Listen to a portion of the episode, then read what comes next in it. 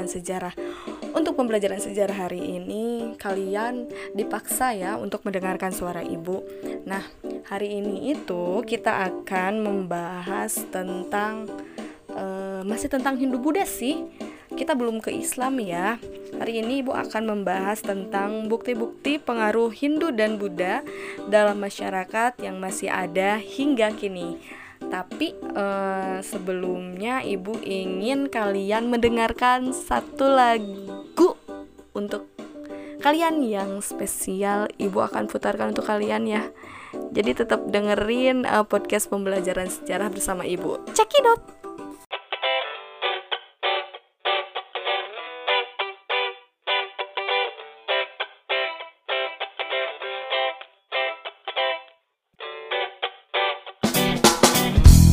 Ku rasakan hangat indahnya sang mentari. Membangunkanku dari tidur yang lelap ini.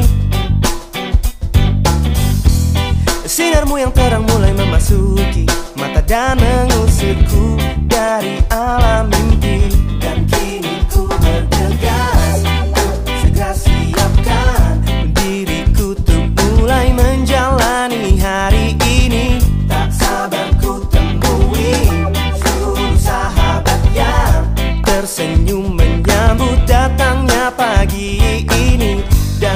katakan Tak berpaling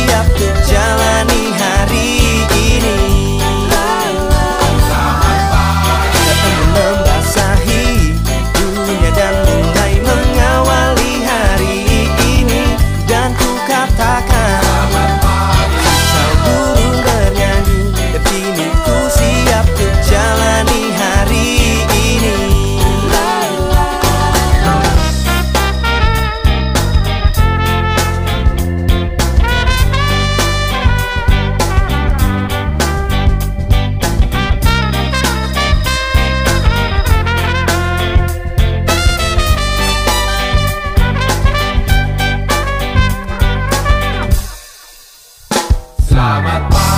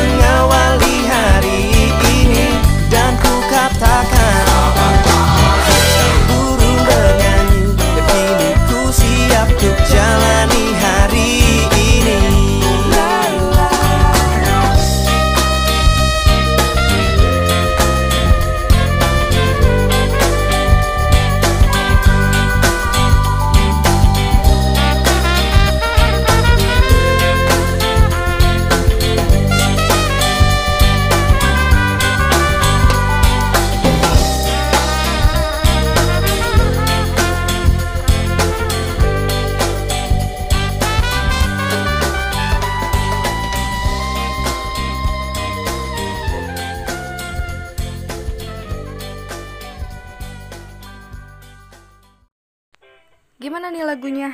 Selamat pagi, selamat pagi ya semuanya. Pokoknya kalian meskipun nanti kalian ngedengerin podcast ibunya siang, tapi kalian harus tetap mempunyai semangat pagi ya. Karena lagu pembuka ini lagu selamat pagi, jadi ya eh, harus tetap suasananya harus pagi, oke? Nah untuk selanjutnya kita langsung ke materi ya.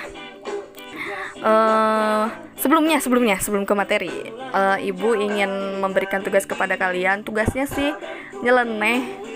Ibu uh, pokoknya intinya catat yang penting tapi ibu nggak akan kumpulkan nggak akan nanti misalkan kalian uh, foto dan itu enggak ibu enggak kayak gitu. Ibu pengen tugasnya dari ketiga lagu yang ibu putarkan. Jadi nanti ibu akan memutarkan tiga lagu ya.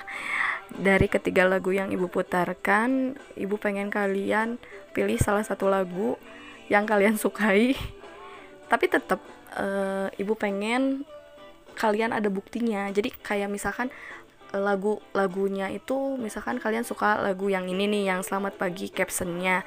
Jadi misalkan gini nama uh, Zes misalkan kelas 10 IPS 3 saya suka lagu selamat pagi karena apa? Misalkan karena membawa semangat atau karena apa karena apa? Terus selanjutnya e, ibu pengen kalian tunjukkan bukti foto kalian pada saat kalian mendengarkan podcast ibu. Nah nanti kirimnya di grup. Nah bukan tentang jadi yang dikirim di grup itu bukan tentang materi yang akan dijelaskan. Jadi materi mah udah cukup aja dengerin aja. Soalnya eh uh, bu nggak mau ngebebanin kalian untuk nyatet dan sebagainya. Yang penting kalian paham tapi kalau misalkan kalian mau nyatet juga nggak apa-apa. Seperti itu ya. Nah kita langsung ke materi ya. Ibu harap kalian ngerti dengan tugas yang ibu berikan. Kalau misalkan nggak ngerti ya udahlah tanyain aja di grup.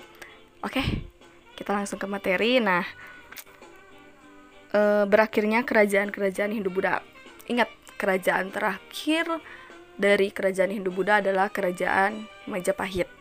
Nah bagaimana sih akhir dari zaman kerajaan Hindu-Buddha di Indonesia? E, kerajaan Hindu-Buddha di Indonesia itu berakhir sekitar abad ke-13 seiring berkembangnya pengaruh Islam dari Timur Tengah. Kerajaan-kerajaan Islam mulai berdiri di Sumatera dan agama Islam segera menyebar ke Jawa dan Semenanjung Malaya lewat penaklukan dan penyebaran sistematis oleh sekelompok ulama yang dikenal dengan sebutan Wali Songo. Akibatnya, pengaruh agama dan kebudayaan Hindu dan Buddha menurun sehingga pada akhir abad 15 Islam menjadi agama yang dominan di Nusantara dan Semenanjung Malaya.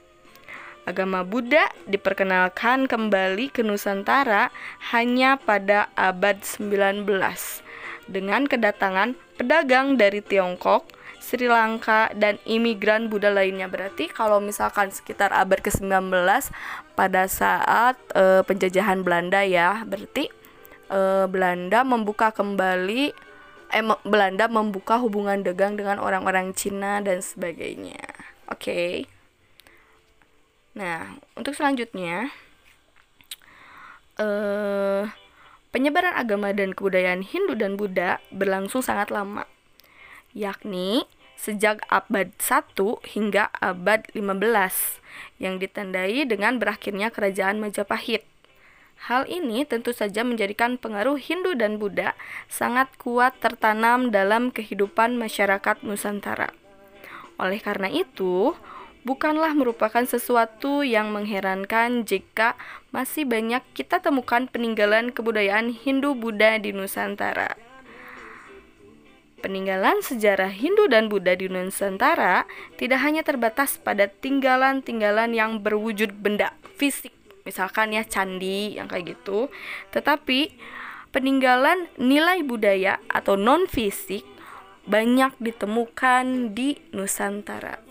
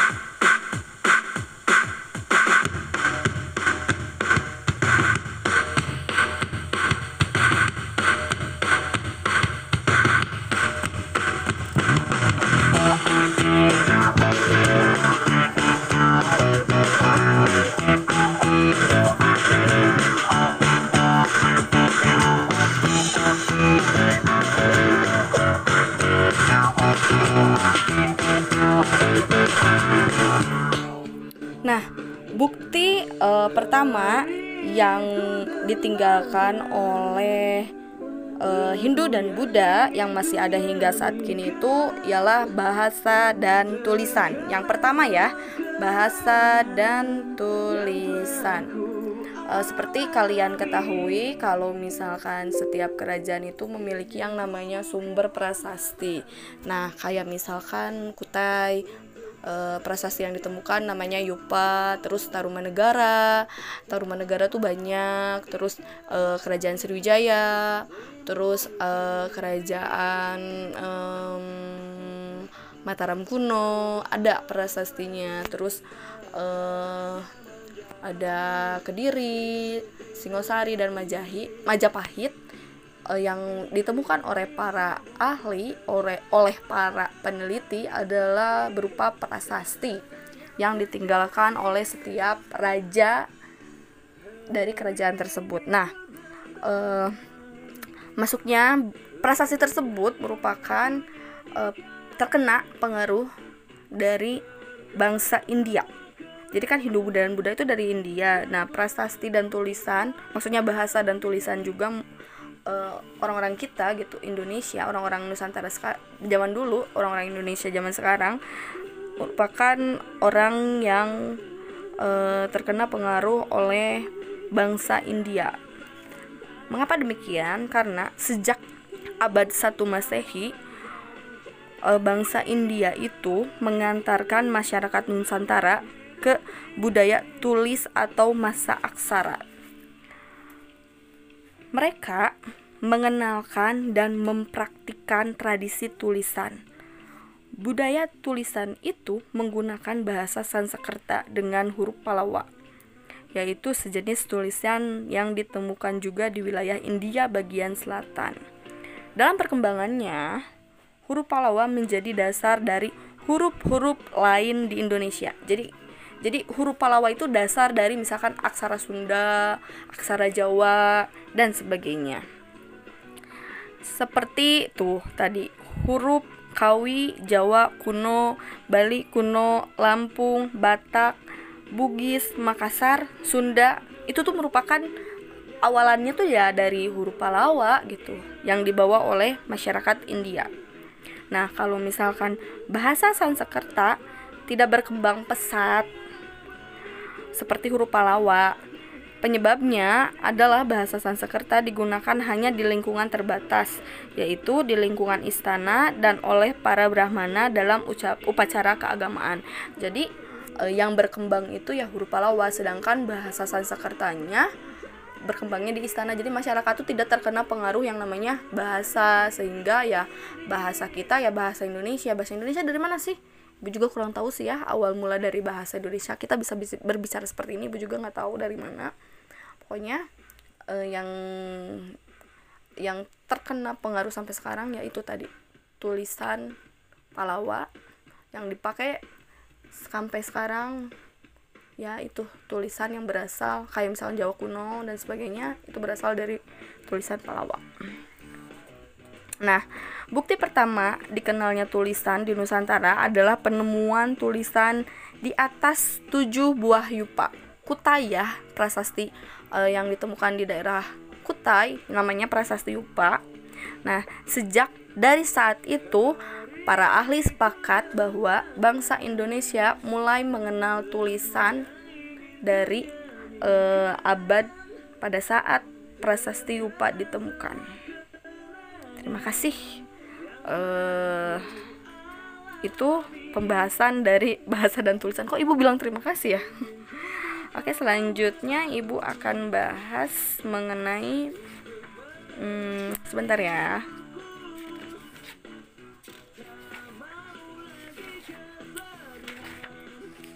Selanjutnya ibu akan bahas mengenai uh, sistem pemerintahan. Nah, Sebelum masuknya pengaruh Hindu dan Buddha ke Indonesia, sistem pemerintahan yang dianut oleh bangsa Indonesia adalah sistem pemerintahan desa yang dipimpin oleh seorang kepala suku dan dipilih berdasarkan kekuatan dan kelebihannya.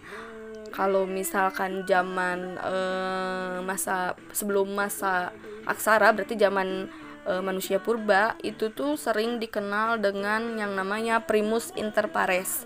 Jadi siapa yang kuat, dia yang berkuasa seperti itu. Nah, setelah masuknya agama Hindu dan Buddha, masyarakat Nusantara terkena pengaruh Hindu. Nah, dari situ mulai muncul konsep tentang dewa raja di mana bahwa pemimpin tertinggi dalam sebuah kelompok adalah seorang raja. Raja tersebut diyakini sebagai titisan dewa, yaitu titisan dari Dewa Wisnu. Karena merupakan titisan dewa, kekuasaannya bersifat mutlak dan berlangsung turun-temurun.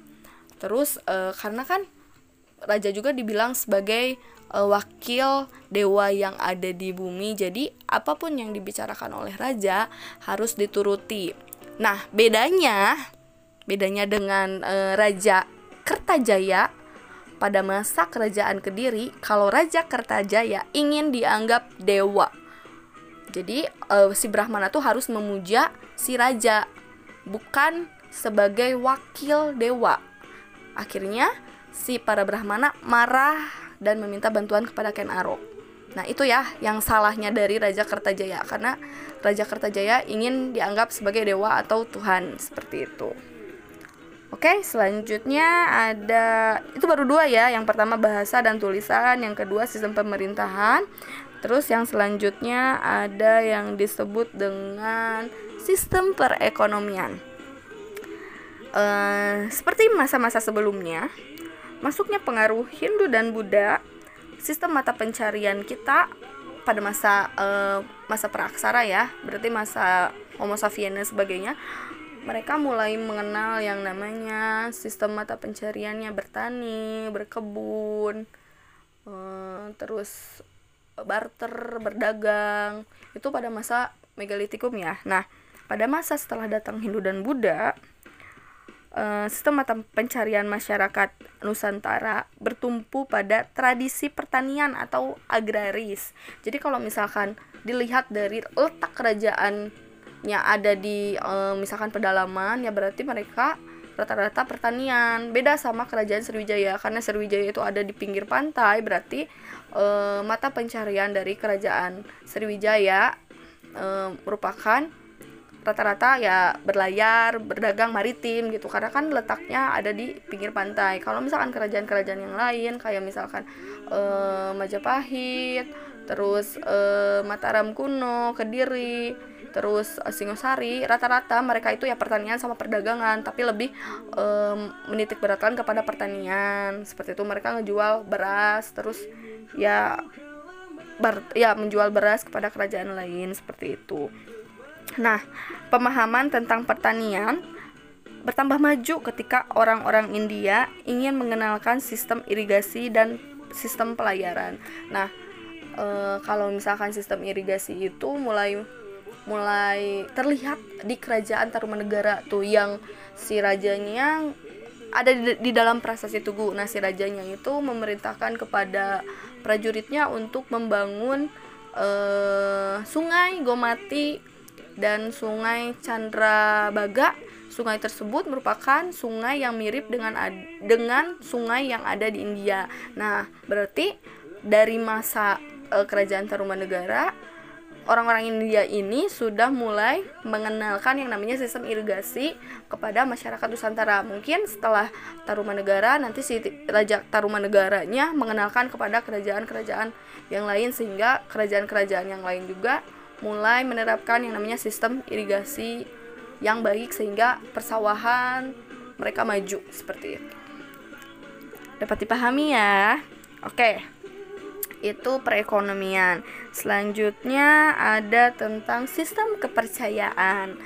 Nah, eh, sebelum masuknya pengaruh Hindu dan Buddha, bangsa Indonesia telah mengenal sistem kepercayaan animisme dan dinamisme serta sejumlah kegiatan upacara yang terkait dengan pemujaan terhadap roh nenek moyang. Ingat, animisme memuja roh nenek moyang, dinamisme memuja benda, totemisme memuja kayak pohon benda itu kayak keris ya terus totemisme pohon samanisme percaya kepada orang yang memiliki kekuatan magic. Kayak misalkan dukun terus ahli pengobatan terus uh, si orang itu bisa ngeramal. Nah itu uh, samanisme.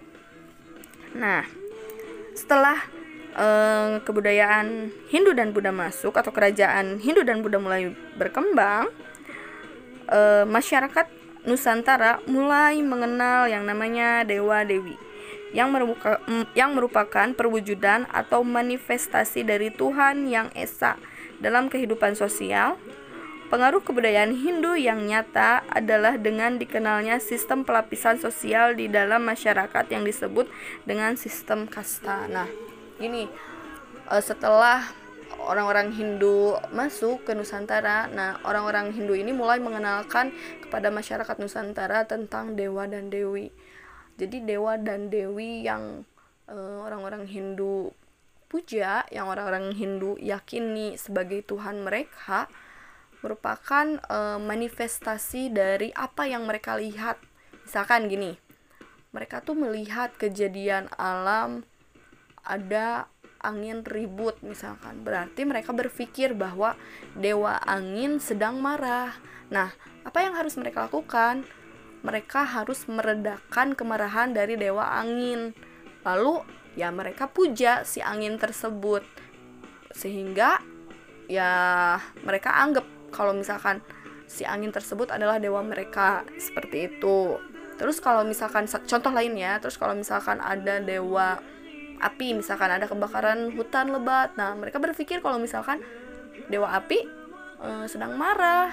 Ya apa yang harus mereka lakukan? Ya mereka memuja kepada dewa api agar tidak marah terus memuja juga kepada dewa hujan misalkan agar diturunkan hujan seperti itu terus Nah, dari hal-hal itu muncullah yang namanya sistem pelapisan sosial yang disebut dengan kasta.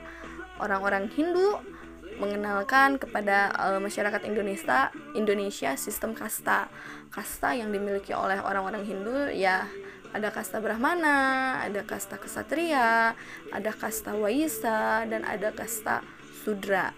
Nah, untuk sekarang sistem kasta pelapisan kasta itu um, masih terlihat di uh, Bali. Di Bali itu masih ada sistem kasta tapi uh, untuk misalkan apakah kasta yang paling rendah dimarginalkan atau diasingkan sepertinya tidak. Cuman hanya terlihat dari namanya saja kalau di Bali yang namanya Agung I Gede I Gusti I Ida misalkan itu merupakan kasta Brahmana. Untuk kasta-kasta selanjutnya kalian boleh searching lah. Ibu juga kurang tahu kasta di Bali misalkan dilihat dari nama yang pasti uh, yang nama-nama Agung Ida terus uh, i, i apa gitu itu merupakan uh, kasta dari Brahmana oke selanjutnya ada ciri-ciri atau peninggalan bangsa Hindu dan Buddha atau kebudayaan Hindu dan Buddha dalam segi bangunan.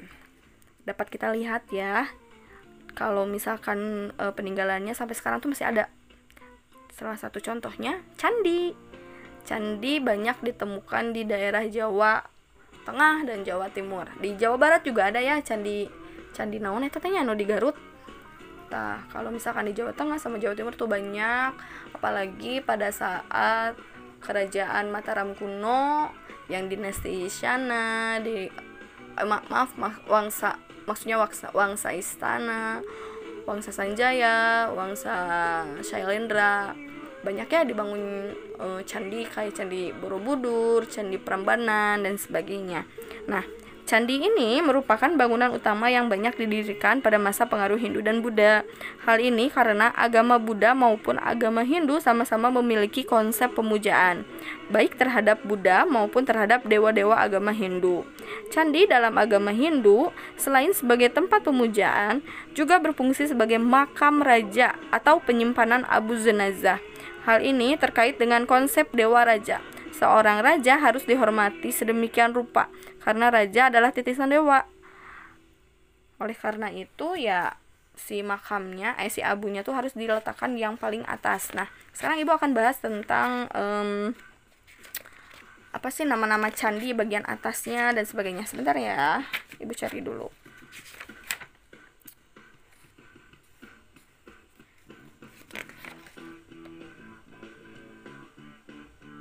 Nah e, bangunan candi ya biasanya kalau misalkan kalian bayanginnya candi Brahman eh candi Prambanan ya candi Prambanan ini e, biasanya memiliki setiap candi Hindu memiliki yang namanya e, tiga unsur penting dalam pembangunan candi. Yang pertama itu adalah burloka. Burloka itu bagian paling bawah candi yang melambangkan kehidupan dunia fana. Yang kedua ada Burvaloka. Burvaloka itu adalah bagian candi yang melambangkan tahap pembersihan dan pemurnian jiwa. Nah, dan yang ketiga adalah Swarloka. Swarloka ini melambangkan tempat para dewa atau jiwa yang telah disucikan. Jadi, si Abu Zenazah dari misalkan si raja itu meninggal, disimpannya di Swarloka. Kayak gitu. pasti kalian gak paham oke lah nanti kalau misalkan kita um, masuk nanti ibu tunjukkan ya bangunan-bangunan dari yang nama yang disebut dengan burloka, burfaloka dan suarloka. Nah kalau misalkan uh, candi yang ada di Hindu, eh maaf Buddha itu tuh uh, sama ada beberapa bagian tapi nama-namanya beda. Nah, yang paling ada ada yang disebut dengan bagian Kalamakara. Nah, itu tuh yang paling atasnya. Kalau misalkan di Hindu mah Swarloka ya. Terus Terus e, kalau misalkan candi yang beragama Buddha itu pada umumnya menghadap ke timur. Tapi candi e, di Jawa Timur, candi yang ada di Jawa Timur ciri ciri-ciri candinya tuh e, berbentuk ramping.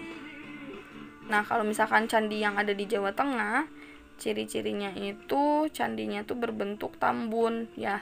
Tambun tuh gendut ya, kalau ramping itu eh, tinggi ya kayak Prambanan. Nah, pokoknya bedanya itu ya kalau misalkan candi yang ada di Jawa Timur ya rata-rata ramping gitu. Berarti candinya peninggalan orang-orang Hindu. Nah, kalau misalkan candi yang tambun yaitu merupakan rata-rata peninggalan dari orang-orang Buddha. Nah, kebanyakannya tuh candi yang orang-orang Buddha yang berbentuk tambun itu adanya, adanya di Jawa Tengah. Nah, sedangkan candi yang ada di Jawa Timur ya ramping-ramping, berarti itu peninggalan agama Hindu seperti itu. Tapi di Jawa Tengah juga ada ya candi yang beragama Hindu ya tadi Prambanan. Seperti itu. Selanjutnya di dalam candi juga ada kayak relief-relief ya. Nah, biasanya si relief ini tuh menceritakan tentang uh, apa sih? Ceritakan tentang kesusastraan dari atau zaman kepahlawanan dari uh, suatu cerita gitu. Jadi intinya itu agar si masyarakat itu tidak melakukan kesalahan atau agar si masyarakat itu tidak jahat intinya mah seperti itu si relief relief tuh kalau misalkan kalian pernah ke candi Borobudur kalian pasti akan menemukan uh, eh, relief relief atau kayak bentuk ya relief relief di si candinya itu kayak gambar. Nah itu tuh nyeritain tentang ya suatu cerita misalkan Mahabharata. Nah inti dari Mahabharata kan yang kalah yang jahat akan kalah oleh yang baik. Seperti itu. Oke. Okay kalau misalkan ada yang mau ditanyakan kalian boleh tanyakan di grup ya. Sekian pembahasan dari ibu jangan lupa tugasnya kalian tetap jaga kesehatan ya agar kita bisa ketemu lagi nanti di kelas. Um, jangan lupa tugasnya. Um, akhir kata dari ibu. Assalamualaikum warahmatullahi wabarakatuh. Um, lagu ketiga ya dengerin. Cekidot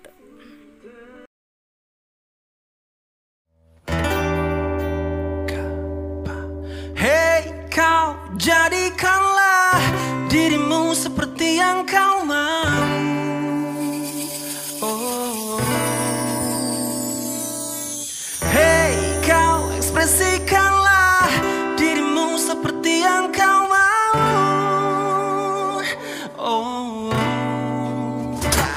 Singkat Hey kawan, hey teman, semua yang mendengar yeah. Ungkapkan rasa cinta dalam pelukan Bulatkan tekad untuk raih mimpi bertepi Sesegar kopi hangat temani warnai pagi. Mentari saja tetap bersinar di ufuk barat Mari susun rencana ke depan kita melesat. Cepat. Jangan terhambat oleh rasa ragu. Tambahkan sedikit susu untuk aroma kopi yang baru. Hey kau jadikanlah dirimu seperti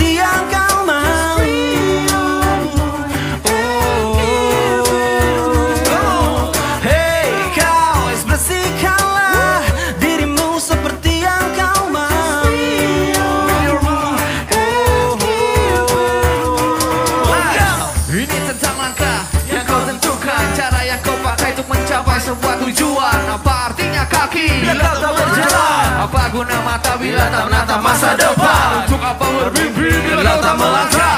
Untuk apa kesempatan bila tak ambil celah? Persetan aku